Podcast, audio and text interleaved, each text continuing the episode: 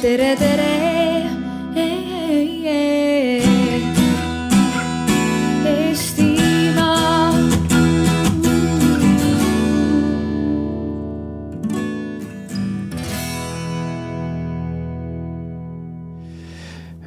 Head energeetikahuvilised äh, alustame energiapöörde ala teist päeva aruteluga jah, tuuleparkidega, jah tuuleparkidele, aga kelle tagaaeda.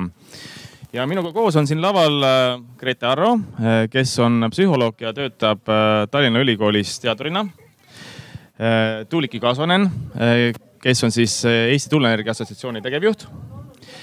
Tiit Oidjärv, kes on rahandusministeeriumi planeeringute osakonna juhataja ja Indrek Kalman, kes on arhitekt ja mina olen Rene Tammist, Eesti Taastuvenergia Koja juht.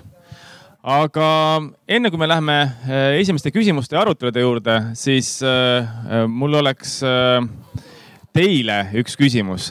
Ja, ja paluksin püsti tõusta nendel, kes arvavad, et jah, tuulepargid on vajalikud selleks, et Eestis taastuvenergiat kasutusele võtta. Nii, no praktiliselt kõik istume ja, ja, ja, ja varsti jõuame ka teiste küsimuste juurde, ma usun. aga, aga siis äh, tänane teema jah, tuuleparkidele, aga kelle tagaajada ja, ja seda küsimust äh, ilmestab siis akronüüm äh, NIMBY, not in my backyard ehk äh, mitte minu tagaaeda ja, ja alustuseks võiks vaadata seda küsimust natukene laiemalt, et äh, täna valitsevad ühiskonnas äh, tõsised äh, vastuolud mitmete algatuste osas, olgu see siis Rail Baltic või, või palju kirgi kütnud Tartu lähistele kavandatud tselluloositehas või, või mitmed tee-ehitusprojektid. et miks meil toimuvad täna sellised arutelud ühiskonnas, et et äh, alustaks näiteks äh, sinust, Grete äh, jah, ähm, ja see ei ole ainult Eesti, kus need toimuvad, et NIMBY, on see mikker sees jah NIMBY ei ole tekkinud üldse siin kohapeal loomulikult mõistena ja, ja NIMBY täna, tähendab tänane selline võib-olla teaduspõhine arusaam sellest on see, et see on solvang. see ei ole korrektne, see on põhimõtteliselt sõnum, et sinu nii-öelda ebamugavustunne seoses mingisuguse muudatusega ähm, viitab sinu isekusele, rumalusele ja nii edasi ja tegelikult täna otsitakse hoopis noh muid termineid selle jaoks, näiteks üks on luulu, on locally unwanted land use ja nii edasi, igasuguseid muid.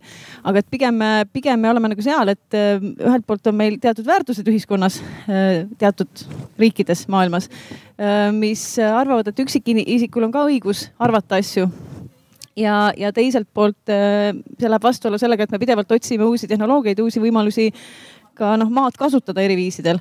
et, äh, et Nimbit on tõesti hästi palju uuritud äh, väga erinevate maakasutusviiside osas. Ja noh, mina olen täna tegelikult vaadanud just neid artikleid, mis keskenduvad just nimelt tuuleenergiale, neid on ka hästi palju, suisa vaata, et eriajakirjad on selle jaoks tegelikult ja, ja kui mõelda, siis, siis minu arust tegelikult minu jaoks see fookus on seal, et ma, ma arvan, et, et see, see teema on uus, on ju, mingit pidi äh, ühiskonnas. Ja ma arvan, et võib-olla peaks kõigepealt kokku leppima selles, et on tegelikult äh, sellised maakasutuse muutused äh, mille mõju on peamiselt võib-olla esteetiline, aga mis reaalselt ei, äh, ei riku meie võimet säilitada inimese jaoks e-, noh, elukõlblikku elukeskkonda pika aja vältel. ja siis on sellised muudatused, mis seda tegelikult teevad, mis teevad elu päriselt halvemaks, näiteks hävitatakse mingi raba on ju, mis seob süsinikku või noh, mida iganes või halveneb vee kvaliteet. et tegelikult see võiks olla esmane kaalutlus ja, ja, ja teine, see järgmine mõte Äh, selliste nii-öelda protesti või, või vastupanu, äh, ühiskondlike vastupanu äh, olukordade puhul võiks olla see, et mida see siis reaalselt teeb nende inimestega ja kes, kes seda, kes on sellest tabatud ja mis osa sellest protestist on selline, mida me saame tähenduste muutmisega või tähenduste andmisega ja mõistliku kommunikatsiooniga muuta.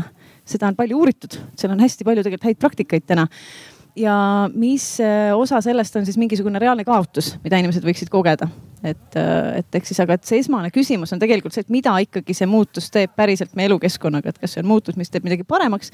Ähm, või, või see on muutus, millel on reaalne tagajärg ikkagi inimeste heaolule ka. Tiit, kuidas sina seda riigi poolt vaataksid? ma arvan, et, et see on igati normaalne, et, et äh, igale muutusele keskkonnas on normaalne, et on, tekib vastuseis. aga ma jagaksin ta mõnes mõttes kaheks, et, et üks on tõesti selline öö, see, mida ilmselt kutsutakse nimbiks, et, et, et ei taha ükskõik, ükskõik, mis see on, aga teine on tõesti need riskid, mis võivad iga arendusega kaasneda ja, ja ma arvan, et, et hästi raske on nendel muidugi vahet teha, mis on see, et, et ma midagi ei taha ja see, mis võib tõesti tõepoolest kaasneda, tuua kaasa reaalse muutuse ja siis mingid tagajärjed aga noh, olles ruumilise planeerimise taustaga, siis ma ise arvan, et, et see protsess on siin mõnes mõttes võti, et, et protsessi kaudu läbi rääkida, analüüsida need asjad, mis on reaalsed muutused, mis on reaalsed riskid ja siis leida need maandamisvahendid, et. aitäh, et selles mõttes ma jah, esimese asjana ütleks, et, et jah, peabki olema, peabki olema kõhklusi, peab olema kahtlusi, peab olema hirme ja nendega peab tegelema. Indrek, mis, mis sa arvad, et millest sellised, sellised vastuolud? Äh, kõigepealt äh, mul on siiralt hea meel, et, äh, et Eestis need arutelud leiavad ühiskonnas nii suurt kõlapinda. sest kui käia kasvõi siin meie ümber Skandinaavias ringi, kui on erinevad planeeringualased arutelud ja, ja, ja siis sellised mõttekojad, siis, siis väga paljuski, kui, kui sealsed planeerijad tutvustavad oma oma tööd, siis, siis see kõik algab nagu sellistest eh, püüdlustest siis kuidagi saada laua ümber grupp inimesi, siis sellele järgneb hästi palju kollaseid postite kuskil tahvli peal ja siis, siis sellest kõigest justkui eh, sünnib justkui mingi kaasamine. et, et ma olen tavatsenud öelda, et me Eestis oleme selle etapi vahele jätnud kuidagi. et meil tegelikult täna eh, võib-olla tänu nagu väga laialdasele sotsiaalmeedia levikule võib-olla on need põhjused kuskil mujal, on inimeste hääl erakordselt hästi kuulda erinevates eh, protsessides. Eh, sellel on oma häid külgi, aga sellel on ka oma negatiivseid külgi, sest eh, positiivseid, ma usun, et me teame kõik. negatiivsed on see, et, et on väga huvitav olnud kõrvalt ka jälgida, kui selliseid kodanikualgatusi püütakse kaaperdada ühe või teise ärihuvi nimel. ja, ja, ja seetõttu tegelikult äh, tekib nagu küsimus, et, et millisel kujul äh, on selline kaasamisprotsess üldsegi demokraatlik ja, ja kelle hääl siis lõpuks peab jääma kõlama. Äh, ma leian, et, et selles diskussioonis ja sellises mm, kuidas nüüd nagu ütelda, platvormis on, on erakordselt oluline, et, et seal äh, kõlaksid äh, ka spetsialistide hääled. võib-olla üks selline väga äh, palju tsiteeritud ja näiteks toodud kaasusi on ju, on ju Tallinnas Telliskivi selts, kes on suutnud väga palju imetabast korda saata. ja kui nüüd mõtelda, et, et et, et miks see nii on, siis, siis tegelikult äh, me ju näeme, et, äh, et, et selles seltsis sinna kuulub justkui tavakodanikega väga palju tugevaid professionaale. ja ma arvan, et nagu see ongi see märksõna, et, et kogukonnad koonduksid ka nende inimeste ümber, keda nad usaldavad, aga kes ka teavad sellest, millest nad midagi räägivad Tuuliki, äh, igal energiatootmise viisil on omad positiivsed ja negatiivsed küljed ja, ja tuuleenergia on äh, keskkonnasõbralik energiatootmisviis. ent nagu me teame, siis selle levikut takistab tihti kogukondlik vastuseis, et kuigi kõik Europarameetri uuringud ja täna siin ka publiku küsitlus näitas, et, et inimesed ju ikkagi taastuvenergia ja tuuleenergia arendamist toetavad et äh, kuidas äh, sina vaatad äh, siis selle Lulu või, või, või Nimbi äh, sündroomile tuuleenergia seisukohalt Eestis? ja et äh,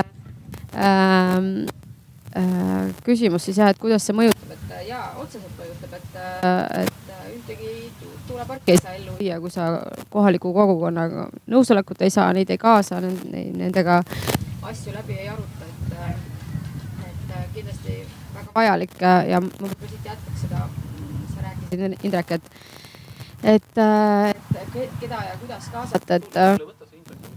see ikka ei toimi nii, kuidas see on? parem, okei okay..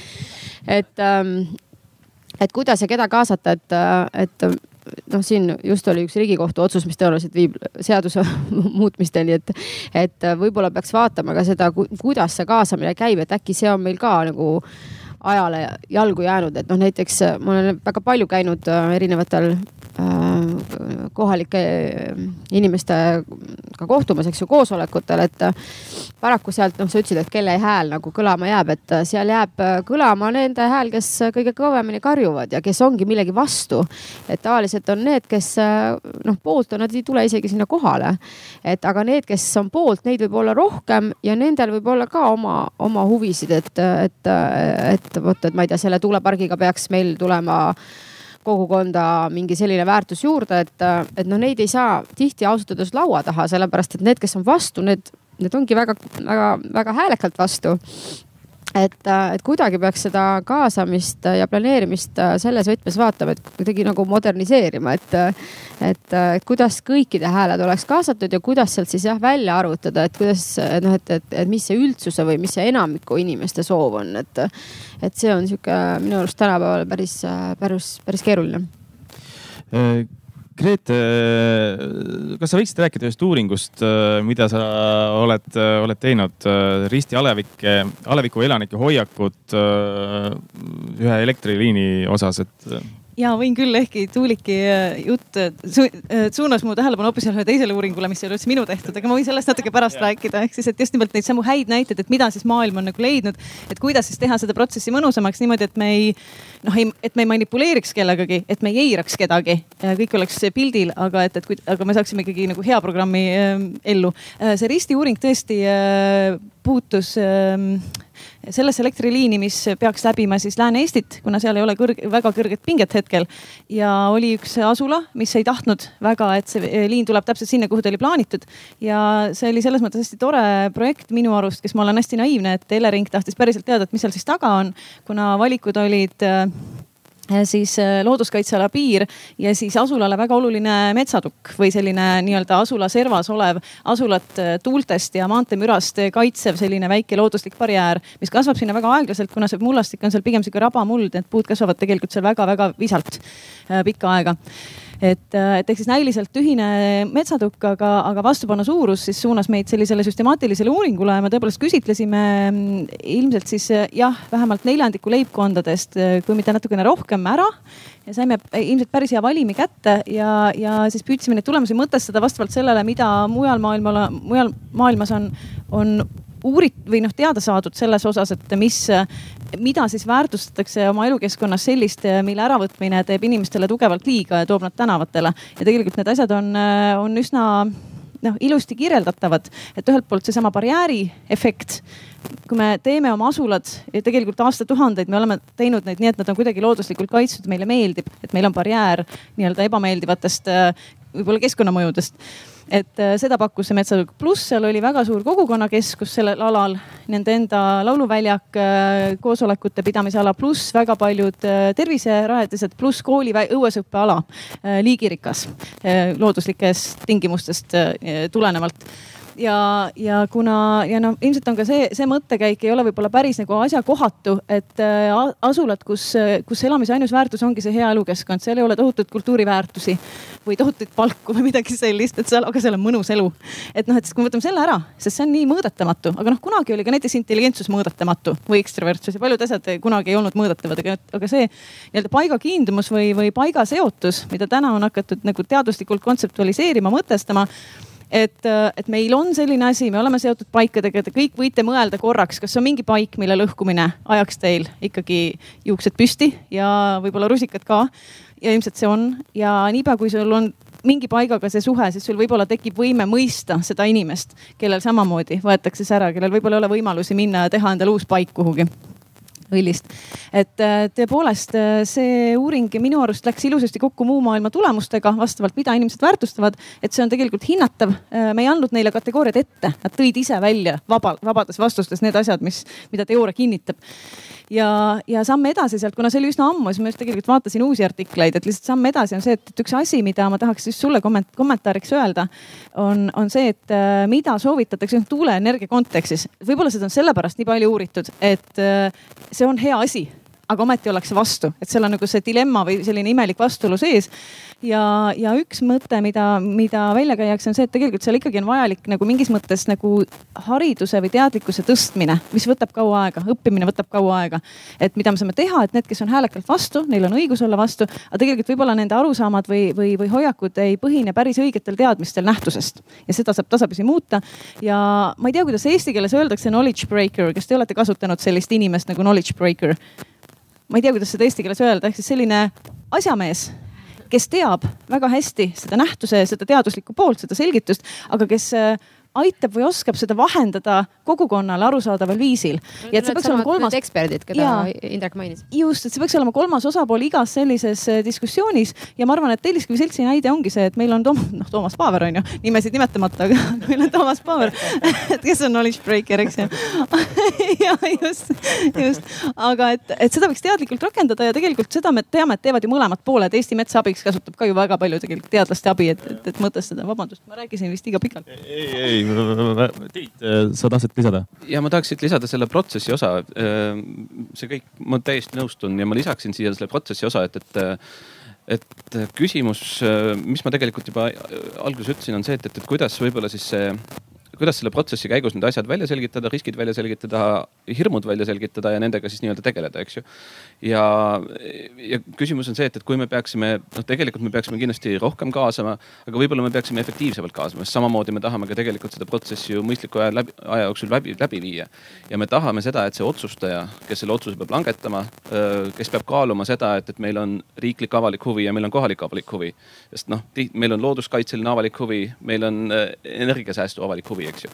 et kes peab selle väga-väga keerulise asja otsustama, et temal oleks adekvaatne teave, et see protsess oleks niimoodi läbi viidud, et see tõepoolest, see adekvaatne teave ja, ja tegelikult ka subjektiivne hirm oleks välja selgitatud ja siis see otsus oleks põhjendatud. et ma, ma, ma seda protsessi võlu tahaksin aina ja aina vist tundub täna lauale tuua naudime protsessi, et äh, Indrek. kui ma võin korra lihtsalt see protsess, protsessi juurde, et, et ma näen, siin on kohe üks niisugune nagu, kus jooksevad nagu käärid risti, et, et äh, kohalikud kogukonnad, kui neid kaasata kohe alguses, mis tundub nagu igati õige, sellepärast et siis saad ju päriselt ka kaasata, mitte siis lõpus nagu linnukese teha, eks. et äh, nemad tahavad ähm, teada kõiki vastuseid kohe kui palju tuulikuid, mitme megavatiseid, kui kõrgeid. samuti äh, ka Riigikohus.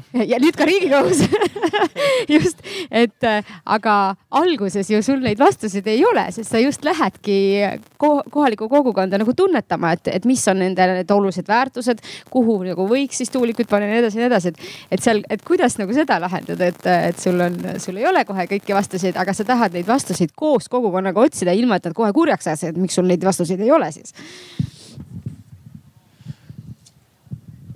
hea, hea küsimus, ma sellele küsimusele kindlasti otse vastust ei tea.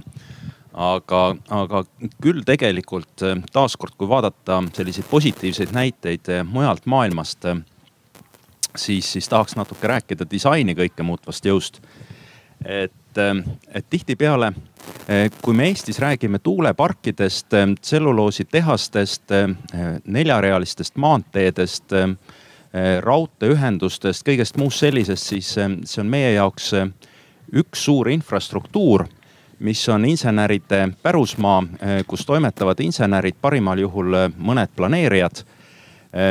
ja, ja seda tegelikult vaadatakse kõike väga tehnitsistliku mätta otsast mm, ja hakatakse arutama läbi tehnitsistliku mätta.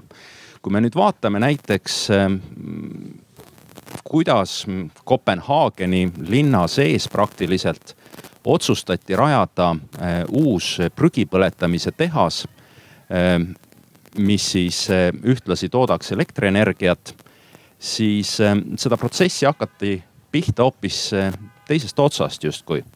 võeti kõige tugevam sellel hetkel Taani arhitektuuribüroo Bjerke Ingels Grupp, kes visioneeris ühe, ühe suure hoone, jah, mis oli küll silmatorkavalt suur ähm,.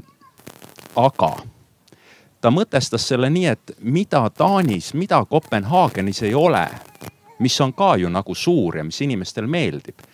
ja ta mõtestas selle suure hoone kui suusamäe. ja, ja ta joonistas selle maja äh, sellise, et sinna peale saaks teha slaalomiraja sinna otsa ta tegi suure korstna, sest noh, selge, et äh, prügi põletamise tehasel peab olema korsten. korstna mõtles, et noh, et korstnad on ju veel, et noh, on ju näiteks piibud ja mida saab piibuga teha, piibuga saab puhuda suitsurõngaid. et noh, et see ka korsten võiks olla selline, et ta iga nagu teatud aja tagant pahvatab välja sellise suure suitsurõnga taeva poole. ja, ja see projekt ühtäkki, mis oli tohutult tehnitsistlik, tohutult õudne, eks ole, saavutas ühiskonnas väga suure eh, kõlapinna, mitte ainult nüüd Taanis, vaid see kõlapind lõi pauguga üle terve maailma ja täna on see asi valmis. tõsi, korsten ei, ei pahvi neid rõngaid, sest seal tulid väikesed tehnilised nüansid vahele. aga suusamägi on olemas ja tegelikult kogukonnal on sellest hoonest nii mitmel tasapla-, eh, tasapinnal nagu abi. Miks ma seda juttu räägin, on see, et, et mul võib-olla esmapilgul on väga raske nagu ütelda, et, et mis võiks olla selline nagu füüsiliselt kogetav kasu Eh, tuuleparkidega, kuigi ma valetan, ma tean, mis see võib olla. ma olen just nimelt elekter, sest eh, eh, ma olen aastaid sõitnud läbi Virtsu, Virtsu aleviku ja oli väga kummastav näha palju aastaid, kuidas sügisõhtutel ümberringi vilkusid punased tuulikutuled ja alevik oli kottpime, nii et ei saanud näppu ka suhu pista ja mitte sellepärast, et seal poleks valgusteid olnud. oli, europrojektidega oli pandud terve asula lampe täis, aga ei olnud raha, et osta seda elektrit, et neid lampe põlema panna. ja tegelikult see oli, see oli minu jaoks oli selline nagu paradoksaalsuse kvitessents, eks ole. et meil on midagi, mis on rajatud, mis on väga tehnitsistlik, mis on rajatud ja mis kahtlemata mõjutab kogukonna elu ja kogukond ei saa sellest põrmugi kasu see olukord tänaseks Virtsus on muutunud. täna on loodud äh, MTÜ, mida, mida inimesed kuulu järgi saavad ise suunata, kuhu raha läheb, taastatakse Virtsu linnust. Isegi eelmine nädal põlesid lambid juba õhtul tänava peal, ma ei tea, kas need on otseselt seotud või kaudselt, isegi suvel põlevad lambid. et tegelikult ähm, jah ikka, ikkagi on see lugu, et kui me planeerime tehnitsistlikke rajatisi, siis küsimus on, kust otsast me hakkame pihta. Grete. ma hästi võib-olla püüan lühidalt kommenteerida, et mulle väga meeldib see, mida sa ütled, et tegelikult äh, kui vaadata selle valdkonna uuringuid ja neid edulugusid, et tegelikult see märksõna täna ei ole enam kaasamine, vaid seotus. et tegelikult me ei taha nagu mitte nagu teise või kellegi teise ja tegelikult sageli tundub, et ülevalt alla surutud agendat täita. me tahaks oma agendat, et kõik inimesed tahavad oma agendat ja, ja, ja just mõte, et kuidas nagu saada ühe laua taha, et siis tegelikult küsida, et mis on teie probleem, mis teil puudu on, kas teil on äkki suusamägi siin asulas Virstus puudu on ju. või noh, et, et, et, et me peaks alustama pigem sellest otsast kõik uuringud, mis mis püüavad saada võimalikult palju inimeste seotust selle produkti või tulemusega ja, ja, ja kasuga pigem õnnestuvad, see võtab aega, et, et inimeste huvi äratundmine võtab aega ja süvenemist ja sa pead tahtma nendega rääkida ja see on jube tüütu, onju. aga et, et mujal ilmas on ka mõiste tõukenism vist, ma ei tea, kas eesti keelt on tõlgitav, ma ei tea, kas te kasutate seda, ehk siis see on formaalne kaasamine. ehk siis, et me justkui oleme läinud rahvamajja ja rääkinud jutukest. aga, ja öelnud, et noh, arvake nüüd midagi, aga sel hetkel see, see ei käi nii ruttu, sel hetkel tegelikult mitte keegi ei saa veel võib-olla arugi ja, ja mida, mis minul nagu pani vaimustusest juuksed lehmi, lehvima, oli see, et on aru saadud, et kui me tahame mingit ideed päriselt inimestele nagu noh, sellist vereringes õpetada, noh kasvõi seesama noh, kuidas energia, energia, milline lahendus oleks mõistlik. et siis see, see võikski onju, et kõigepealt me saamegi nendega kokku, onju, kombime maad ja siis me läheme ja teeme kõik oma materjalid ringi selles mõttes, et kuidas nad oleksid arusaadavad ja mõtestatud ja meaningful ja tähenduslikud nagu nende konkreetselt ja nende, nende perspektiivist. et see võtabki aega ja tegelikult kui niimoodi teha, siis saadakse pihta väga hästi sellele, kuidas inimeste motivatsioon toimib, et anna tähendus sellele asjale, siis isegi võib-olla tehnitsistlik raha raadios hakkab tunduma ilus, onju. aga teisalt see disain on just nimelt see, mis võiks tuua onju lisainimesi, lisaväärtust, lisaraha ka kogukonda. et, et äh, tu-, Tuulik Indrek viitas siin siis äh, mõnedele kokkulepetele, mis siis tuuleenergia ettevõtetel on kujunenud äh, välja kohalike kogukondadega, et kuidas need partnerlused rajati ja kuidas nad toimivad? Ja aitäh küsimast, see oleks tegelikult just olnud kommentaar äh, sinu jutule, et, et äh, see seotus on, ongi tegelikult kasu ju, et, et, et mis, mis see minu kasu siit on. et ma olen äh, Hiiumaal käinud kümme aastat tuuleenergeetikast rääkimas. Ja kui alguses oli see sellises maismaa tuuleparkide kontekstis, siis siis hiidlased olid väga vastu. Ja, ja mis me tegelikult tegime, oligi, oligi, et nagu hakkasime siis erinevate huvigruppidega läbi rääkima, et mis on need olulised väärtused, mis on need puudused, mis on Hiiumaal võib-olla puudu äh,. ja nii edasi ja nii edasi, et just, et selgitamaks välja seda, et mis äh,, kas on suusamäge vaja, tuli välja, et, et Hiiumaal ei ole põhivõrku hoopis, et äh, või, või et neil ei ole teisisõnu energiavarustuskindlus nii, nii, niivõrd tasemel, kui võiks selles sajandis juba olla, et, et, et ühtlasi selgitasime siis välja pika listi asjaolusid, mis, mis on kohalikule kogukonnale olulised.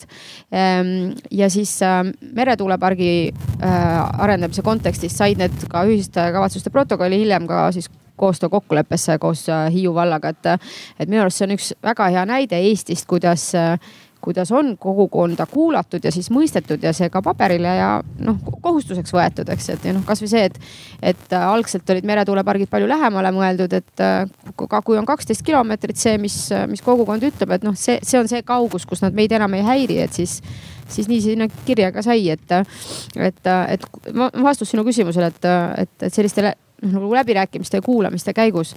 Äh, aga jah, see, mis Indrek mainis ka, et need MTÜ-d on, mis on loodud, äh, siis see tulenes sellest, et Eestis ei olnud seadusandlusest tulenevat süsteemi, mis siis osa tulust äh, suunaks tagasi kohalikku kogukonda, et siis kõikide või noh, pea kõikide tuuleparkide juurde on, on tänaseks rajatud sellised MTÜ-d, mis, mis kohaliku kogukonna projektidele hoogu juurde annavad Äh, mul oleks äh, vahepeal ka üks äh, küsimus publikule, et, et palun jällegi siis püsti tõusta neile siis, kes nende vastuse variantidega nõustuvad, et, et siis väide on see, et, et kui minu kodukohta tahetakse rajada tuuleparki, Äh, siis äh, ja mulle pakutakse võimalus äh, sellest, selles osaleda, olla siis osanik selles tuulepargis, siis noh, see mõjutaks minu otsust positiivselt või see ei mõjutaks minu otsust, et palun tõuseme püsti neid, kes siis arvavad, et, et see mõjutaks tema otsust positiivselt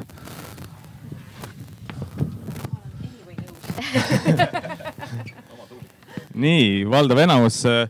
Äh, need, kes, äh, kelle otsus see ei mõjutaks, palun tõuseme püsti, need. on ka neid. nii, väga hea, aitäh teile.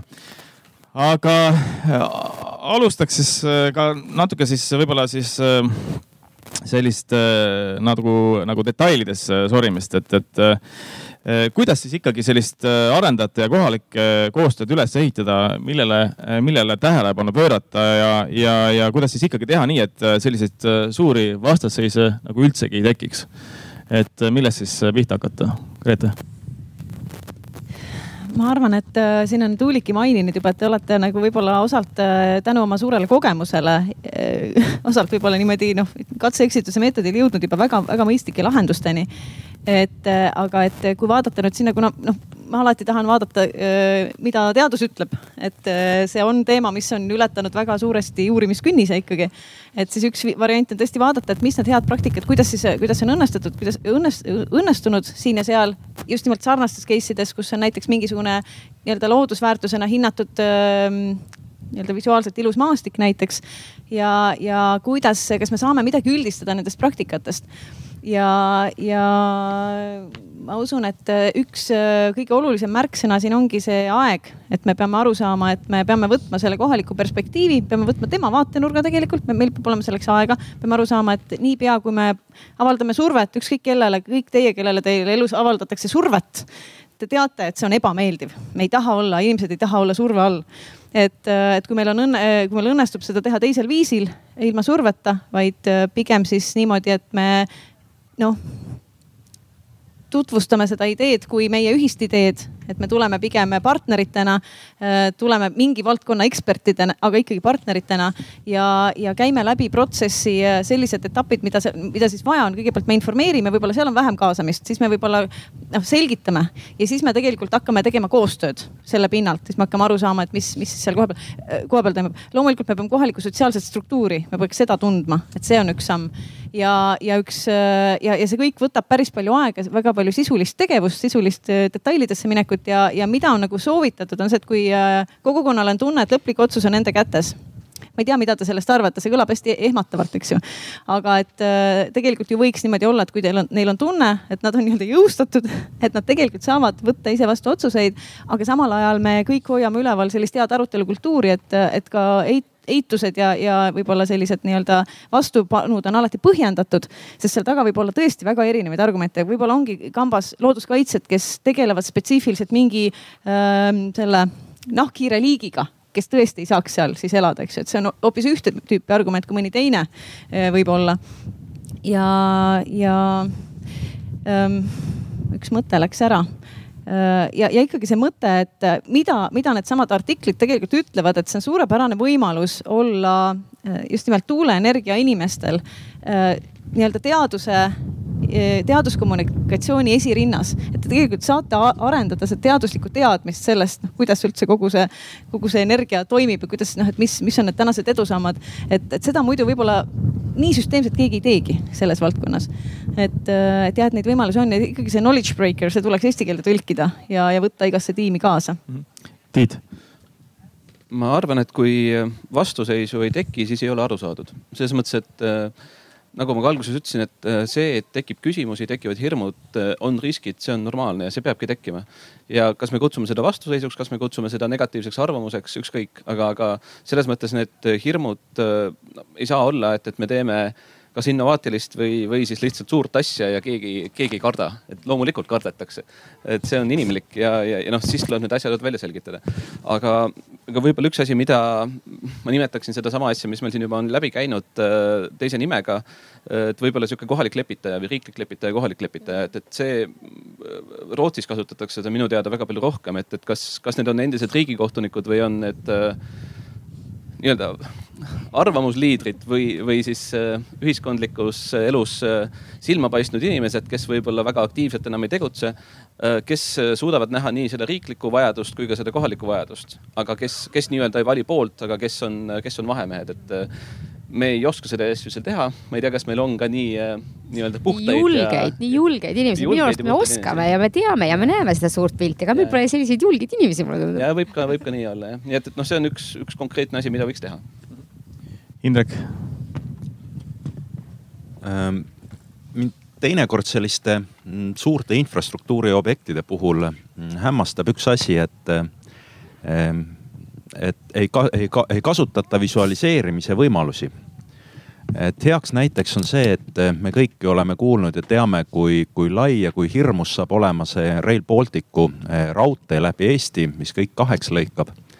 aga võib-olla väga vähesed meist on hetkel eh, korra nagu mõelnud, et, et, et kui lai see siis ikkagi on ja, ja kui me siis numbritele otsa vaatame, siis eh, selgub, et üks neljarealine maantee mis läheb läbi Eesti, mis on samamoodi eh, kahelt poolt aiaga piiratud, on umbes kaks kuni kaks pool korda laiem eh, selline teetamm. ma arvan, et Rail Baltic oleks... on siit Hekini umbes vist või jah, just, et, et, et, et selles mõttes me tegelikult eh, tammume ja, ja käime ümber mingisuguse asja.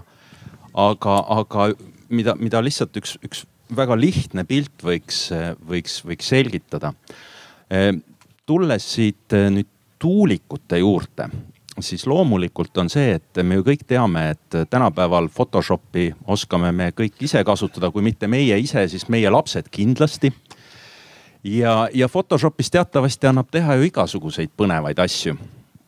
kui, kui jätta kõrvale oma selline matemaatikatunnis õpitu siis, siis võib ikka päris osavalt ära petta. ja, ja nii mul meenub ka mõned kaasused, mis, mis arutlesid Photoshopi piltide baasil teemal tuuliku kõrgused looduses. ehk et oli neid, kes väitis, et see tuulik on silmapiiri taha kadunud punktike ja siis oli neid, kes väitsid, et, et ta varjab ära päikese. et, et kas see on tegelikult üks selle diskussioonis eksisteeriv oht et ka visuaalset poolt, mis ühtpidi võiks olla väga tihti väga heaks ja lihtsaks äh, argumendi, noh argumentatsiooniks iseeneses, võib äh, olla ka ohuks, kui seda kasutatakse demagoogiliselt. Samamoodi ma enne tõin välja seda, et, et kuidas disain saab olla selleks äh, muutvaks väeks ja tuua nagu infrastruktuuri objektides esile seda positiivset ma soovitan väga, et ei laseks samas ennast ka hämada. näiteks ähm, olgu kohe ära öeldud äh, erinevate kinnisvaraarendajate mängumaalt mingil hetkel väga usinasti levinema hakatud, äh, hakatud võte, et teeme detailplaneeringu kõik saavad aru, et see maht, see ruutmetraaž, mis sellele platsile on kavandatud, on maotu, liiga suur. aga, aga kirjutame sinna planeeringusse sisse ühe sellise päästva lause, et tuleb korraldada arhitektuurivõistlus. vot küll need arhitektid siis nagu tegelikult selle asja teevad nii ilusa, et see teile kõigile meeldib.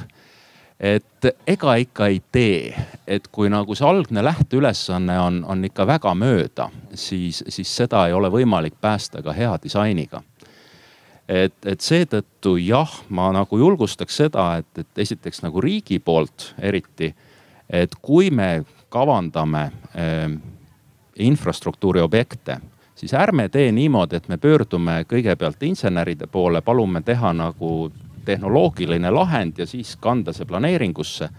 vaid võib-olla pöördume ikkagi disainerite ja arhitektide poole kõigepealt ja loome selle visuaalse poole, mis võiks olla sündinud koostöös kogukonnaga, nagu me rääkisime sellest prügipõletusjaamast, mis on kõige vahvamaks suusamäeks täna Taanis ja, ja, ja tegelikult ehm, hanke ei korralda üles mitte tehnoloogilises mõttes vähempakkumisena, see pole tähtis, vaid, vaid pigem korraldame niimoodi, et me korraldame siis disainihanke, mille osaks on tehnoloogiline lahendus, mis on paratamatu. Ehm, ja, ja läbi selle proovime leida siis kogukonnaga koos see lahend, mis, mis võiks võiks meid kõiki kõnetada. et ähm, jah, ja ärgem lase, laskem samas ennast petta. nii, Tuulik, sa tahad lisada? kindlasti. Äh, ma võib-olla jätkaks siit, nii hea on sinu järgi rääkida, sa tõstatad mingi huvitava teema, et, et see tegelikult see visuaalne äh, pool ongi üks olulisemaid tuulikute juures ja väga palju aastaid sellest äh, räägiti läbi, hoopis mõeldi mingeid sündroome välja, mis kõik võivad tuulikut põhjustada, et, et noh, justkui nagu, et, et, et me oleksime tõsiseltvõetavamad. et tegelikult võibki öelda, et mind, mind üks või teine objekt häirib, eks ja, ja võib-olla see tuleb kuidagi teistmoodi paigutada, et see mind vähem häiriks ja siis sa saad tegeleda selle päris teemaga, muidu me oleme tihti pidanud tegelema ka mingite pseudoteemadega, mis, mille taga on tegelikult just see visuaalne pool.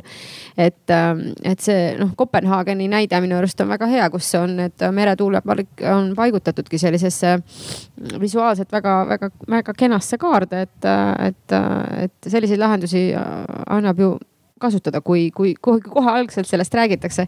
ja see on seotud tegelikult selle teemaga, mis võib-olla ka just sinu küsimusele vastuseks, et kuna kõik head asjad on juba ära öeldud, et mille ma lisaksin ja mis kõlas eile ka, et see on see usaldus. et, et ühelt poolt äh, see on nagu mitmepoolne, et, et ühelt poolt äh, kui, kui arendaja juurde minnaksegi mingi pseudoteemaga ja siis lõpuks ta saab aru, et tegelikult on hoopis, ma ei tea, visuaalsest teema, et siis see usaldus ongi juba kadunud. või siis ka vastupidi, et, et, et kui, kui seal kuidagi nende kõrgustega mängitakse, et, et see, see usalduse teema tundub olevat praegu see märksõna, mis planeerimises on, et kuidas seda kuidas seda taastada selliselt, et, et, et me tulemegi laua taha kokku ja me saamegi rääkida ilma, et me noh kõik kahtlustaks teist poolt, et me tahetakse mingit kotti pähe tõmmata. Siim, sa tahtsid äh, küsida?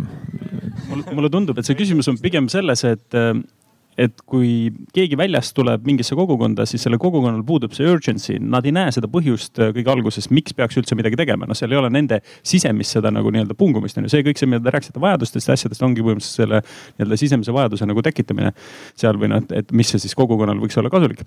ja, ja kui sa vaatad nagu selle poole pealt, siis loomulikult on konservatiivsel nii-öelda mitte midagi tegemisel palju rohkem nagu argumente selles osas, kui seal noh, ei ole seda nagu, seda pointi, aga, aga üks osa, miks ma arvan, et see võiks lähiajal muutuda, ongi see puhtalt meie sama enda energiakeskkond. et kui me senised energia tootmise võimsused ühel või teisel põhjusel on väga selgelt äh, muutumas, vähemalt ma loodan siis niipidi, siis, äh, siis siit võiks tekkida see kogukondade enda soov ka näha nagu teistsuguseid lahendusi endale ligiduses. Tiit ja ma ise ootan ka seda Eestis, et, et ma vahel kuulan Soome raadiot päris tihti tegelikult ja see on naljakas, et kuidas äh, Soome ühiskonnas näib olevat ka CO2 kui selline lihtsalt on teema ühiskonna tasandil, inimese tasandil. et äh, kui Soome raadio saatejuht ütleb, et, et ma loobusin punasest lihast, sest see CO2 või ühesõnaga ökoloogiline jalajälg on liiga suur. et ma, ma usun ka, et, et Eestis tegelikult mingi hetk selleni me jõuame, et, et meil on vaja tuulikuid ja muuhulgas ka siis siia minu lähedusse selleks, et, et meie Eesti ökoloogiline jalajälg oleks väiksem sa tahad lisada, Grete, midagi? ma lihtsalt ja. ühe väikese asja lisan, et tegelikult tuulikute puhul tõesti ju põhiprobleem on visuaal inimestel. ja siis needsamad uurijad viitavad, et tõepoolest, et kui tehti Vabadussammas äh, New Yorki, et see oli tohutud ikkagi koguti allkirju, olid tõsised protestiaktsioonid, samamoodi Eiffeli torniga. ja kui nagu mõelda, et, et noh, jah, et, et me, et aju õpib aeglaselt, et meil on vaja aega, et harjuda uute asjadega ja kui mõelda, et nende uute asjadega, et on asjad, millega kaasneb ikkagi kahjulik mõju, asjad, millega ei kaasne. et noh, et kui see ainuke mõju on see, et ma pean visuaaliga harjuma, samas mõtestades seda nii, et iga kord, kui ma näen, mõtlen hmm, on ju roheline energia on ju hmm,, jälle vurr on ju jälle hmm. et noh, et, et siis see tegelikult see visuaali tõlgendus, see, et noh, et meil on ikkagi noh, me oleme nii tugevalt oma interpretatsioonide ohvrid on ju nende, nendest kantud, et kui me seda tõlgendust pidevalt muudame läbi ühiskondliku suhtlemise, siis, siis muutub ka selle visuaali nii-öelda ilusa või koledana taju mm. -hmm Grete rääkis siin äh, knowledge breaker itest ja, ja noh, minu küsimus äh, teile ongi see, et, et äh, kuidas siis kogukondadeni jõuaks informatsioon kavandavatest tegevustest ja, ja mõjudest, et et kas te teate, kui palju on Eestis praktiseeritud ukselt uksele kohtumisi või, või arendusprojektile kohaliku infopunkti rajamist ja, ja, ja miks meil kõige selliseks levinumaks formaadiks, vähemalt minule tundub, et, et, et see on nii arendu-, arenduste puhul on sellised äh, suured koosolekute formaadid, kus tegelikult äh, noh, tullakse pigem oma vastuseisu äh, väljendama, kui, kui siis, siis noh, infot saama või? kes tahab alustada? ma ütlen võib-olla lühidalt, et mina ei tea mitte ühtegi asja, vähemalt mis on nagu nii-öelda ministeeriumi juurest läbi käinud, kus ei ole tehtud kogukonna kohtumisi, kus ei ole käidud ukselt uksele, kus kõike seda ei ole tehtud.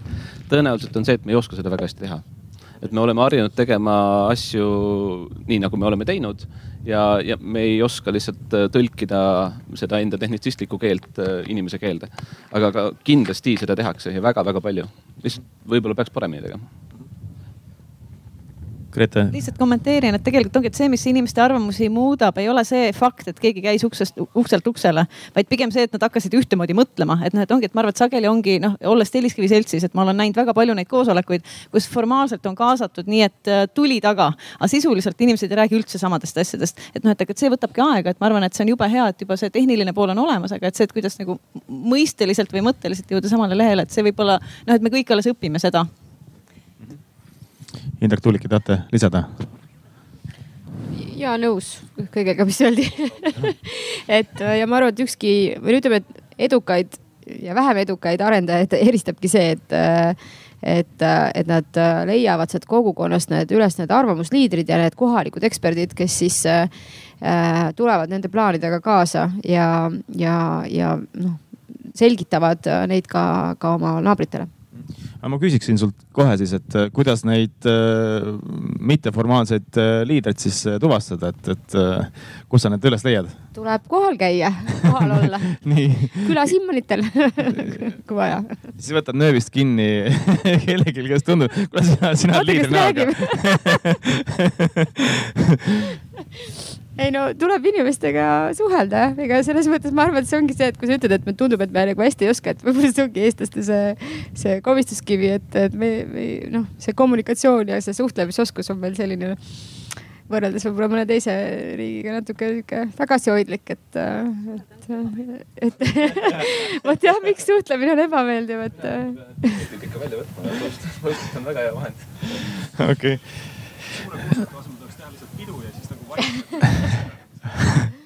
väga hea mõte, et, et äh, kas siin publikus on veel mõtteid, et äh, kuidas, kuidas infot äh, viia, viia siis inimesteni või siis kuidas neid kohalikke liideid tuvastada, et andke käega märku ja, ja öelge välja, et.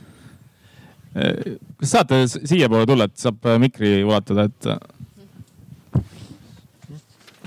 no esiteks, mida ma olen tähele pannud, on, et esiteks nii palju sellest tuulikute visuaalsest poolest nagu vastuseisu puhul ei räägita, pigem see energia hind ja, ja pigem sellised asjad, et aga si siin tuleks minu meelest ka tõsta seda teema, et kui meil need Narvas need põlevkivielektrijaamad, nende seadmed hakkavad amortiseerima, siis uusi seadmeid sinna osta oleks ka üsna kulukas et ähm, ja selles mõttes, et kui me uuendame energiasüsteemi, siis võiks juba e-, eelnevalt kokku leppida, et me uuendamise hetkel nagu valime pigem siis taastuvenergiaallikad.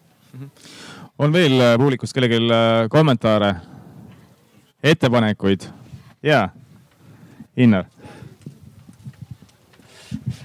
et aitäh, nimi Innar ja, ja ütleme niimoodi, et seda kuulates siin minu arvates on mõtted väga õiged ja õiges suunas, et üks asi võib-olla, mis on vähe kõlanud ja enda nagu mõte ütleks välja või, või, või annaks ka nagu argumenteerimisse et kui me saame häid näiteid tuua, ütleme seal Rail Balticu pealt, et Rail Balticul on selline riiklik huvi taga ja see jõuab nii ajakirjanduses kui ka ütleme riigimehelikult Toompeast allapoole, et millist äh, lisandväärtust see loob siis Eesti rahvale või, või Eesti riigile üldiselt, siis ma julgeks nagu teise aspekti siia juurde tuua, et me kõik teame, kui ilusad ilmad on alates maikuus käesoleval aastal olnud ja, ja teame seda, mis see on kaasa toonud nii ajakirjanduslikult, kus põllumehed ütlevad, et äh, saak tegelikult ikaldub, eks ole.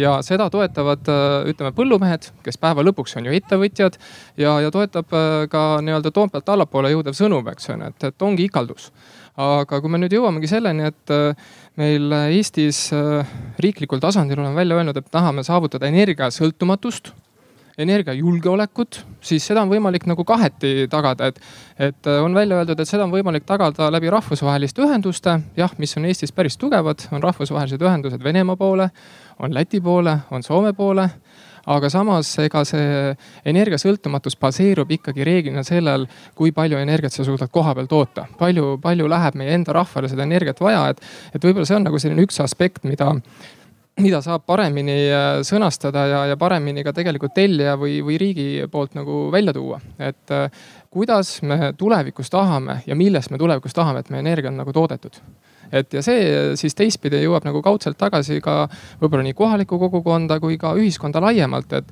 et hakataksegi nagu mõtlema, et see üks on see rahvusvaheline ühendus ja teine on see, et sa pead kohapeal ikkagi energiat tootma, et kuidas me siis sobitame need kohapealsed energiatootmislahendused nii-öelda meie ühiskonda, mis sobiks meie ühiskonnaga kokku ja ka kogukonda, eks ju, loodusesse mm. -hmm on veel publikust? Äh, jaa tere, et äh, mina olen Teet Randma Eesti Rohelisest Liikumisest ja, ja mina tahaks küll öelda, et, et siin ei ole ikkagi nagu see, et me peame nüüd äh, nii-öelda riiklikke kavasid inimestele suunama, vaid ikkagi ka inimesi kaasama. et äh, näiteks riikliku energia kliimakava osas ju Eesti Keskkonnaorganisatsioon ei ole üldse kaasatud. et äh, ja, ja tänu sellele on seal mitmed küsitavused, mis need Eesti riigi plaanid ikkagi tegelikult on ja, ja, ja, ja nagu selles mõttes, et ma arvan, et keskkonnaorganisatsioonid tahaks ka mingit sisendit või tagasisidet selles osas anda väga-väga õige tähelepanek, et seda, seda riiklikku äh, energia kliimakava hetkel ka töötatakse välja, et, et äh, kindlasti siit peaks see sõnum äh, riigi esindajatele minema, kes siis vastava valdkonna eest vastutavad. aitäh juhatajale. nimelt, mis tähendab energiapööre? me oleme harjunud nende vanade traditsioonidega. ja noh, mäletan oma lapsepõlvest äh, väga lihtsat asja, mis muidugi mind linnapoissi ajas väga naerma. Äh, kuna mul isa äh, tegeles auruveduriga, oli selle juht ja kui me maale läksime tädi juurde, siis tädi ütles nõnda, et ähm, no ei saa seda kitsarööpmelest siia lubada, sellepärast et rongivile paneb lehmal piima kinni noh, me naerame kõik selle üle ja kuna mul oli tegemist tädiga, siis ma püüdsin ikkagi sellise noh inimliku lahenduse leida. kas me täna oleme targemad? No hiljaaegu alles sel nädalal oli äh, lehes juttu äh, Hiiumaast ja sellest tuuleparkide äh,, kuidas seda nüüd tuleb nimetada, parklast mis sinna siis on kuhugi mm, plaanis rajada. no äh, ja televisioon veel võimendas ka selle äh, proua esinemist, kes tegi selle nii maha, et ta mitte kuhugi ei jõua. no teate, ma arvan, et ähm, äh, jätaksime selle proua võib-olla rahule ja ei maksa teda nii väga kritiseerida. sest ega, eks me kõik oleme ühte või teist viisi väga hämmeldunud ja imestunud ja me ei taha äh, ei seda ega teist ega kolmandat äh,. aga ometi muutused tulevad. ja et see tuulikute teema on nüüd päevakorda tõusnud, on loomulikult väga hea, väga huvitav, seda on võimalik äh, ranna kogu, Eesti ranna äärt täis paigutada, ma ei tea, palju neid sinna siis ära mahub, aga neid ikka päris palju mahub sinna küll. See, see ei ole mitte ainukene lahendus. Äh, on veel äh, need äh, paneelid, siingi on meil välja pandud, et ja välja arvutatud, et Eesti energiavajadus saab kaetud, kui kusagil oli vist natuke alla kahesaja hektari kattepaneelidega ja meil polegi muud midagi maja, nagu vaja. et kumb on nüüd odavam, paneel või tuulik, hea küll ma ei hakka siin seda diskussiooni üles võtmagi ja äh, eks need, kes meid praegu veavad siin os, oskavad selle kohta paremini äh, äh, näiteid välja tuua äh,. noh, vaatame siin kusagil oli, ma ei mäleta, kus poole see jääb äh,, isejuhitav auto, kes ise valib omale teekonna, püüab tagada ohutuse. see on meile nagu noh, selline utoopiline lahendus, äh, aga täiesti realistlik. Äh, elektriauto, siis on siin huvitavad pealkirjad ja, ja kõik on äh, tore ja huvitav, et ka, et see on tulevik. puudus on noh, tema aku. see on liiga suur ja mahukas aga on juba ka kas info võiks, võiks jääda tänase selle arutelu teema juurde rohkem, et, et. ei, ma tahaksin tuua siin sellise ähm, noh võrdluse või näite või, või väikse arutelu, et need muutused on need, millega on mõistlik meil alati kaasa minna ja no,. sellega sada protsenti nõus ja, ja nüüd see aku probleem, noh, vana Moskvitši aku kuuskümmend ampertundi, kui see, kui sana, selline aku ehitada nanotehnoloogia järgi ja panna see sõiduautole peale, siis on välja äh, arvutatud, et, äh, et autoga on võimalik kaks tuhat kilomeetrit sõita ja laadimiseks kulub vähem kui viis sekundit aega. noh, siin on nüüd tuulepargid Äh, ja äh, need on nüüd muutused, millega me, on tark, kui me läheme kaasa.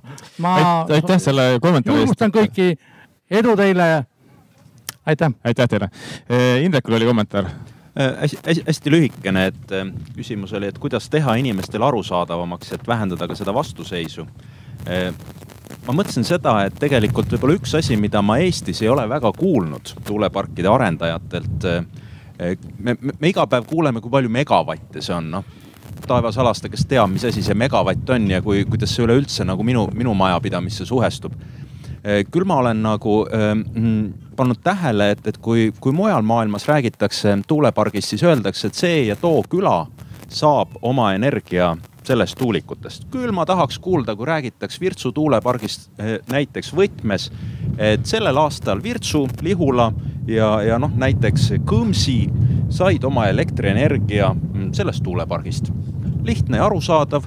Eh, pole neid megavatte nii väga sinna juurde tarvis. Tuuliki, sa tahad öelda selle kohta midagi?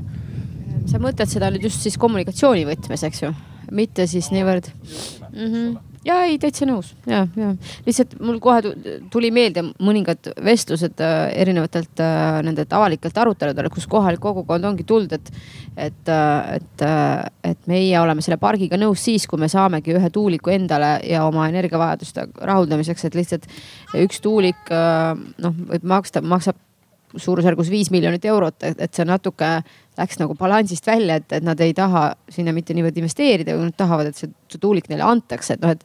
et siis, siis nagu jälle mõtled, et oot, kus me nüüd oleme oma diskussiooniga, et, et aga ma olen põhimõtteliselt selle, sellega nõus, et, et inimestel on, on lihtsamini arusaadavam, kui, kui rääkidagi nendest, et kui, kui mitu majapidamist sai selle elektriga varustatud versus megavatid. Grete lihtsalt äh, kuulates kogu seda senist diskussiooni, lihtsalt tuli pähe see mõte, et üks asi, millega me oleme hariduses väga hädas, on see, et et keerukate nähtuste süvitsi mõistmine võtab jube kaua aega, et tegelikult meil on täna selline ühiskond, kus me võime olla lollid ja jääda ikka ellu. tegelikult me võime olla hästi noh, kasvõi selles mõttes me võime tugineda põlevkivienergiale, teades, et noh, et ühel hetkel meil on kõigil hästi halvasti. Ja see tuleb meie eluaja jooksul on ju, mitte, mitte meie lastelastel või lastel aga me võime ikkagi täna teha teatud valikud, mis ei ole jätkusuutlikud. ja, ja sellist, et tuuleenergia tegelikult esindab nagu mõtteviisi, et kuulge, et hakkame praegu liigutama, et siis tõenäoliselt nagu heaolu võiks kesta natuke kauem äkki ja, ja sedalaadi mõtlemise muutus eh, toimubki kohutavalt aeglaselt, ehk siis tegelikult, et eh, tuuleenergia vastuolek on mingis mõttes eh, vastuolek hästi pinnapealsele asjale, ehk siis ma ei viitsi süveneda, et miks me seda teeme.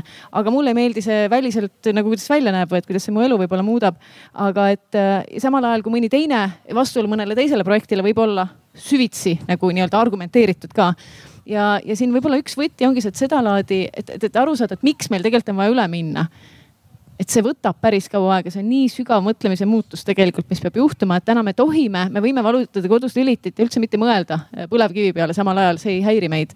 aga et just, et mõelda, et kuidas, et me, et see võtab aega, et mõelda ette et saada kõik inimesed ettemõtlejaks ja mul on tunne, et siin on hästi suur samm teha haridussüsteemil, mis tegelikult laseb inimesed rahulikult välja koolist, nii et nad ökoloogilise, nii et nad tegelikult ei saa aru, kuidas meie keskkond töötab.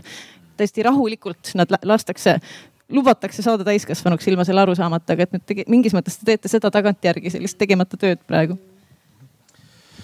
Äh, kuidas ikkagi kaasata ja nähtavalt tuua projekti toetajad, kes sageli jäävad äh, tahaplaanile ja, ja, ja siis äh, kuidas keskenduda, keskenduda siis sellisele ühisosale, mis äh,, mis äh, võiks kohaliku kogukonnaga olla, et, et äh, olgu see siis noh, panus tööhõivesse või, või teedesse või rajatistesse, et äh, kuidas seda poolt võiks, võiks välja tuua rohkem? Ma siin võib-olla tooks selle tõesti, et, et me vist ei ole väga Eesti ka selles avalikus halduses, sest alati kõik need otsused on mingi haldusmenetluse käigus toimuvad, eks ju, ja kus on otsustaja, kellele on antud siis seadusega volitus see otsus langetada. me ei ole harjunud Eestis nägema seda halduse teostajat kui läbirääkimiste vahendajat. et Eestis me tihti ka proovime teha seda nägu, et, et et see otsustaja oleks äh, hästi sõltumatu, et arendaja ei saaks mitte kuidagi mõjutada. aga tegelikult me teame, et ju see nii-öelda see sotsiaalne kokkulepe toimub selle arendaja ja selle kogukonna vahel. ja, ja see otsustaja, see halduse läbiviija on see, kes peab tegema, et, et see, et, et kelle, keegi ei saaks liiga selle otsuse käigus, et see oleks läbipaistev, et see oleks õiglane ja nii edasi, aga tegelikult äh, see, et arendaja on olemas et arendajal on huvid, et kohalikul kogukonnal on huvid see haldusmenetluse läbiviija peab need huvid kokku tooma. Ja siis seda diskussiooni kuidagi hirmus kavalalt, hirmus targalt äh, äh, siis modereerima. Ja no ilmselt äh, eks me saame targemaks, äh, suuremad kohalikud omavalitsused ja nii edasi, aga kindlasti koht, kus me peame jälle õppima, et, et, äh, et avaliku halduse roll on teisenemas me peame neid juhtima, neid, äh, neid muutusi, aga, aga, aga see nii-öelda keskne roll avalikult halduselt, ma arvan, on liikumas tegelikult ettevõtetele või kogukondadele. ma kohe tegelikult küsiksin ka sult seda, et, et äh, kui, kui, kui need läbirääkimised äh, kogukonnaga ei vii tulemusteni ja tuleb hakata keskenduma siis mingitele leevendusmeetmetele, tulude jagamisele või mis, mis iganes leevendus need meetmed on, siis, siis kes, kes oleks, kellega siis tuleks neid läbirääkimisi pidada, on see siis omavalitsus või, või, või mõned kogukonna esindajad või kuidas, kuidas neid peaks pidama sinu arvates?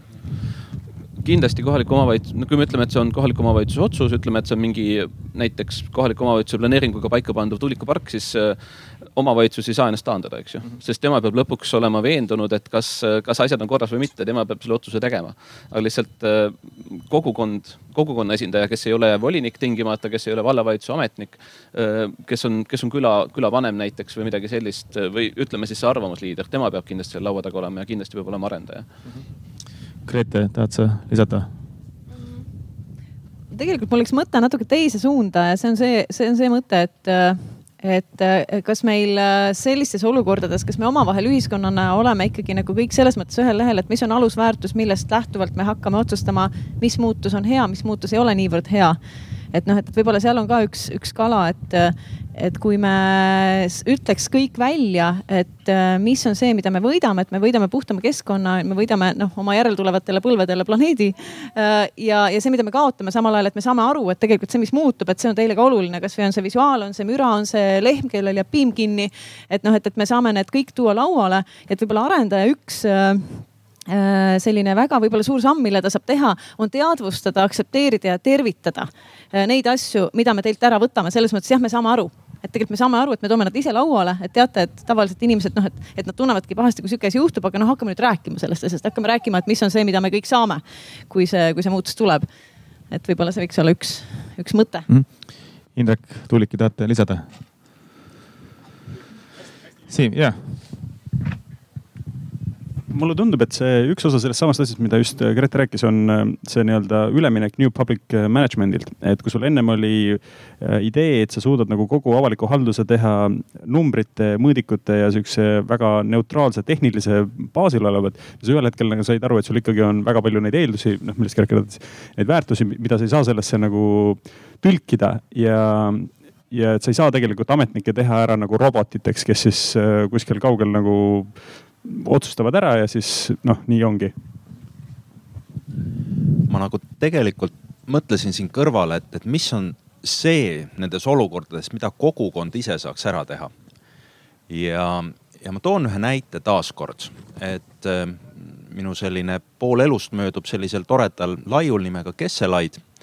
ja see, see laid on alati olnud äh, suhteliselt lage viimase viiekümne aasta jooksul on sinna kasvanud peale eh, alvaritele eh, tõsine kadakamets. ja nüüd ühtäkki oli küsimus selles, et läbi alvarite taastamise programmi, alvarid teatavasti on väga oluline ja haruldane looduskooslus Euroopas. et võiksime selle ala taastada. ja, ja siis tekkis nagu kogukonnas see küsimus, et, et kas me seda tahame. et jah ühtäkki selgus, et üks pere eh, leiab, et tema jaoks kogu selle saare väärtus ongi just nimelt selles, et ta on eh, maha jäetud, ta on järjest rohkem maha jäetud ja siis veel rohkem maha jäetud. ja ta, nad armastavad jälgida seda, kuidas loodus võtab üles seda noh, kunagist inimkultuuri või asustust või poollooduslikke kooslusi. Eh, teine pool elanikke taaskord oli seda meelt, et et äh, ei, et äh, noh, me hindame liblikaid, me hindame linde, kõiki neid, kes, kes tuleksid siia, kui see, see saar oleks veidi lagedam. ja ühtäkki pannes nüüd ennast RMK mm, või kohalike looduskaitseorganisatsioonide või, või vallavalitsuse seisukohta, et tegelikult ei olegi võimalik midagi ette võtta, sest kogukond ise ei, ei leia endas ühist keelt ja mis meie tegime, õnneks väikesaarte seadus näeb ette sellise toreda eh, koostöövormi nagu, nagu üldkogu, saare üldkogu, kuhu siis kõik saare elanikud tulevad kokku. Ja me rääkisime omavahel asjad selgeks. Ja, ja me rääkisime seda selgeks niimoodi, et saarel tõenäoliselt jääb piirkondi, mis jäävad täiesti eh, ürgseks, kus me tõesti ei muuda, kus me vaatame, kuidas kiviaiad eh, Eh, mattuvad eh, metsamassiivi sisse. ja tuulemurdu ja, ja on teisi saare osasid, mis siis, kus üritatakse taastada neid alvareid, mis on seal aastasadu olnud ja tegelikult kogu kogukond ühtäkki tundis, et, et see sihukene nagu taak või koorem on nende pealt ära langenud. ja noh, eriti rõõmus oli vallavalitsuse ja RMK nägusid, kus siis nagu selline eh, tõeline selginemine oli. ehk et tegelikult väga paljud sellised küsimused saavad alguse nagu kogukonna sisesest suhtlusest. meil on seda väga lihtne teha, meie kogukond on väga väike, see on viis peret ja, ja kogu lugu. aga, aga tegelikult ma arvan seda, et, et ega need meie maakohad, kus me neid tuuleparke kavandame, tihtipeale ei ole oluliselt suuremad mm. -hmm aga inimesed ei suhtle teineteisega ja kui siis aetakse nad pooleldi vägisi vallamajja ükskord kokku, kui nad esimest korda kuulevad sellest äh, asjast, siis kasvõi juba ainuüksi sellepärast, et naabrimees on poolt, olen mina vastu. ja nagu nendest olukordadest äh, tuleb saada üle ja seda saab, seda üle saab saada ainult kogukond ise Ehm, nüüd äh, ühest teemast kindlasti me peame täna rääkima ja, ja see on siis äh, hiljutine Riigikohtu lahend, millele siin ka, ka härra, kes siin äh, muutustele üles kutsus, viitas. ehk siis loode Eesti tuulepargi Riigikohtu lahend ja, ja siin Soraneini advokaadibüroo advokaadid, kes meedias seda teemat ka kommenteerisid, juba, juba jõudsid tõdeda, et, et, et see muudab noh, väga suurel määral siis kõikide suurte infrastruktuuriobjektide rajamist. et, et äkki Tiit, sa kommenteerid seda, oled sa seda, seda vaadanud, mis, mis see esimene tagasiside on praegu?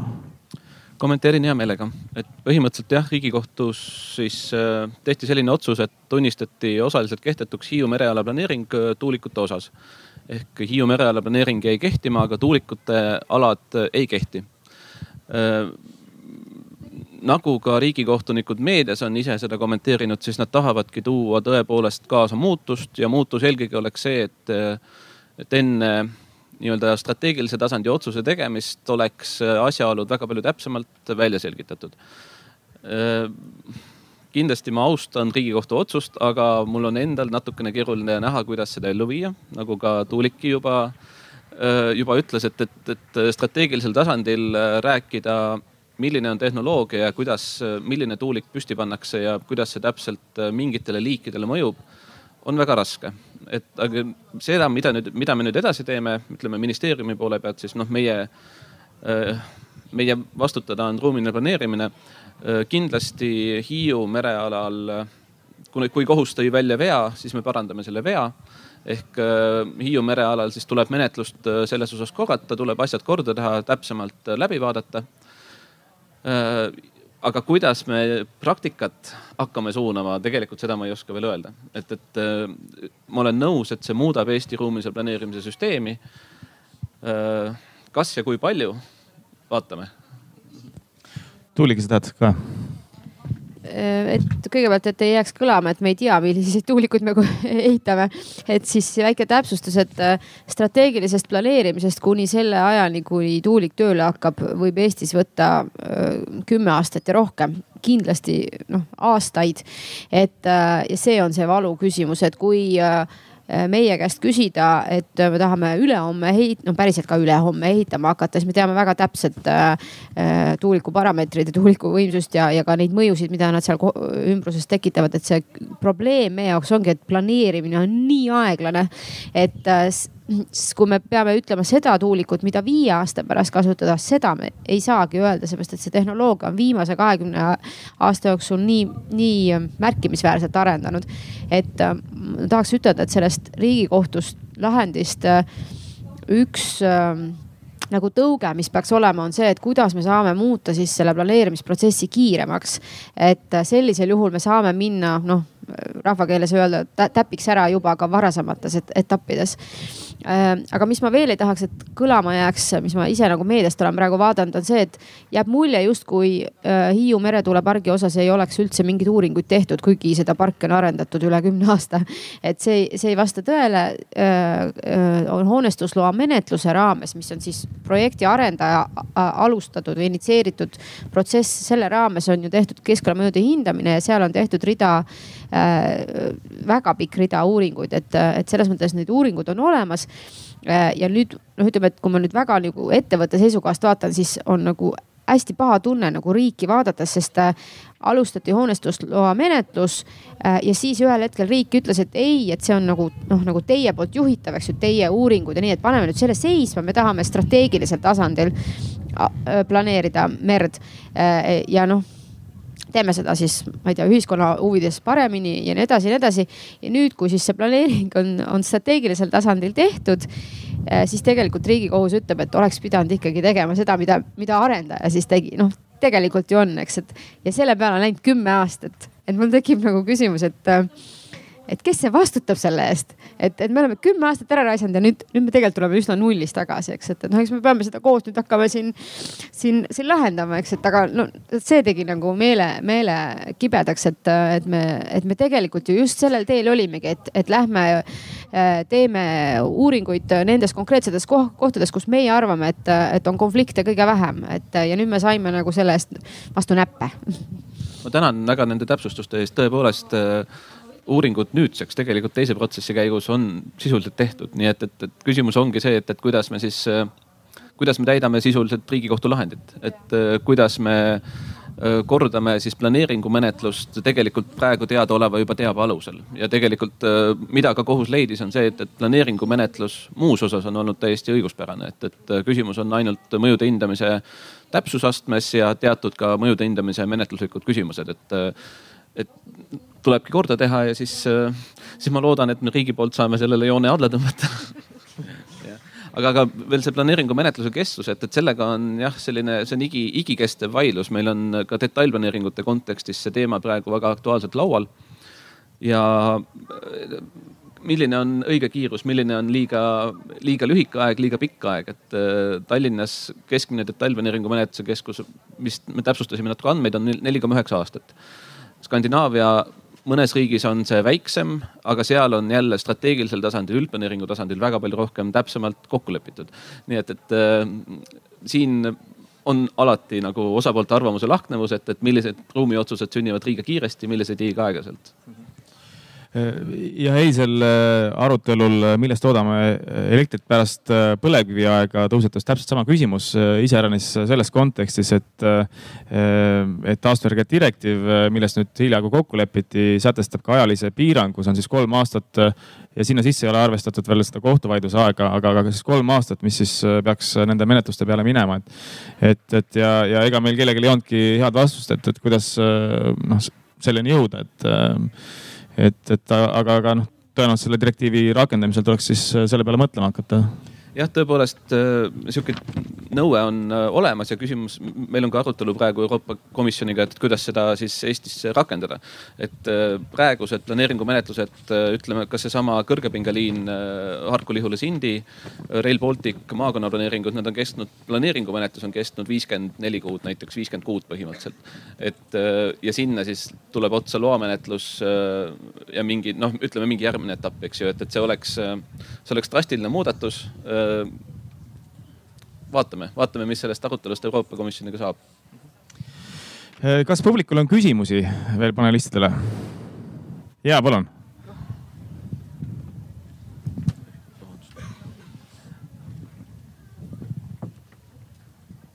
aitäh, ma küsin täiesti alguse juurde tagasi tulles, et tavakodanikuna mind väga kõnetas see risti näide, et Elering tõepoolest tahtis teada saada, et äh, mis kohalikke inimesi häirib selle liini juures. ja, ja noh, jällegi tavakodanikuna tulid välja minu jaoks nagu väga relevantsed asjaolud, et selline hindamatu ja hoomamatu elukeskkond ja, ja kõik see aga kas on juba teada, mida Elering nüüd selle teadmisega peale hakkab, kas see liin tuleb või ei tule? tähendab, minu teada seal küsimus oligi selles, äh, et millise liinitrassi me valime. Ja nii palju, kui ma tean, äh, siis kuidagi see otsus jäi nii, et kogukonnale jääb see väärtus alles. Äh, et ehk siis nad sai, äh, minu tead, minule teadaolevalt Keskkonnaamet äh, kaalus seda, et kuna sellel nii-öelda looduskaitseala piiril, seal rabapiiril, et seal ikkagi ei ole punajalg tilderit nähtud. et, et siis on okei okay, ja kuna sinna tuleb ka maantee laiendus, on okei okay panna need neli postialust ikkagi sinna rabaserva, aga see on minu teadmine, aga ma ei tea tegelikult nüüd hiljem, äh, kas see päriselt ka nii hakkab juhtuma, et see protsess on hästi pikk. et ma väga loodan, aga ma olen ka hästi naiivne inimene, et ma väga loodan, et see ikkagi nagu läheb, läheb see, nii nagu võiks. kui see nii oleks, oleks see tõesti ulmepositiivne ja, näide ju. see oleks tõesti väga lahe pretsedent aga noh, Eestis me võiks ju teha neid. ma natukene entusiasmi pean natuke leevendama et, et kui me vaatame seda tervikut, kogu seda uut elektriliini, siis Harku-Lihula ja sealt edasi Sindi peale, siis minu teada vist kuus või seitse sundvalduse menetlust on ka praegu käimas. nii et, et vähemalt kogu ulatuses ei ole asi nii ilusasti läinud. kas on veel küsimusi publikust? ja palun teid ma siin tahtsin jätkata seda teemat, et kui siin tuli jutuks see merealade planeerimine, siis tegelikult üks äh, probleem, mida me keskkonnaalal ei võib-olla teadvusta piisavalt, on see, et Läänemeri on suhteliselt suremas meri. ja kuidas seda saaks aidata, oleks igasugused vetika ja äh, karbikasvandused, mis suudaksid neid toitaineid ära imeda ja, ja selles osas oleks vaja ka nagu see meri ära planeerida, et selles mõttes, kui riik nagu võtaks ette tõesti selle, et me planeerime oma mere ära ja, ja siis nagu ettevõtjatel on lihtsustatud kord, kuidas, kuidas see meri kasutusele võtta, siis see oleks suur samm edasi. mereala planeeringu valitsus kogu merealal siis väljaspool Hiiumaad ja Pärnumaad, kus on planeeringud juba kehtivad valitsus algatas eelmisel aastal ja seda me teeme, et ootan kõik, kõiki kindlasti kaasa rääkima, vaadake rahandusministeeriumi veebilehel on viited ka mereala, koostatava mereala planeeringu materjalidele ja tegelikult Äh, need karpide näide on väga hea, et, et äh, teadlased, kes meie töörühmas on, ütlevad ka ikkagi seda, et, et äh, jah, vundamendid karpidele väga hästi sobivad ehk tuulikud mõnes mõttes, tuulikute ja siis karpide koos toimimine on täiesti reaalne ja see aitab merekeskkonda parandada. kas on veel küsimusi? Kui rohkem ei ole, siis äh, mul on mõned äh, kiired küsimused äh, ja vastused ja, ja ma esitaksin teile kõikidele siin mõned märksõnad ja, ja paluksin siis teil vastuseks öelda esimene asi, mis teile pähe tuleb. ja, ja kui te olete valmis, siis äkki alustame, et Indrek, riigi eriplaneering. esimene asi. väga umbmäärane nii, Tuuliki MTÜ Hiiu Tuul riigikohtu lahendi võitja Grete Põlevkivienergeetika. Põxit nii, Tiit Eesti Metsa abiks. sõbrad nii väga hea. kas ma võin Hiiu tuule ümber öelda Grete Rail Baltic um,. Rääma raba. Tuuliki päikseenergia tuuleenergia väga hea sõber Indrek, äh, ligi null energiahoone. eilne päev. Äh, Tiit, haldusreform. tehtud ei, ei tegelikult. ja ma ütlen, et pooleli tegelikult. räägitakse, et tehtud, aga tegelikult pooleli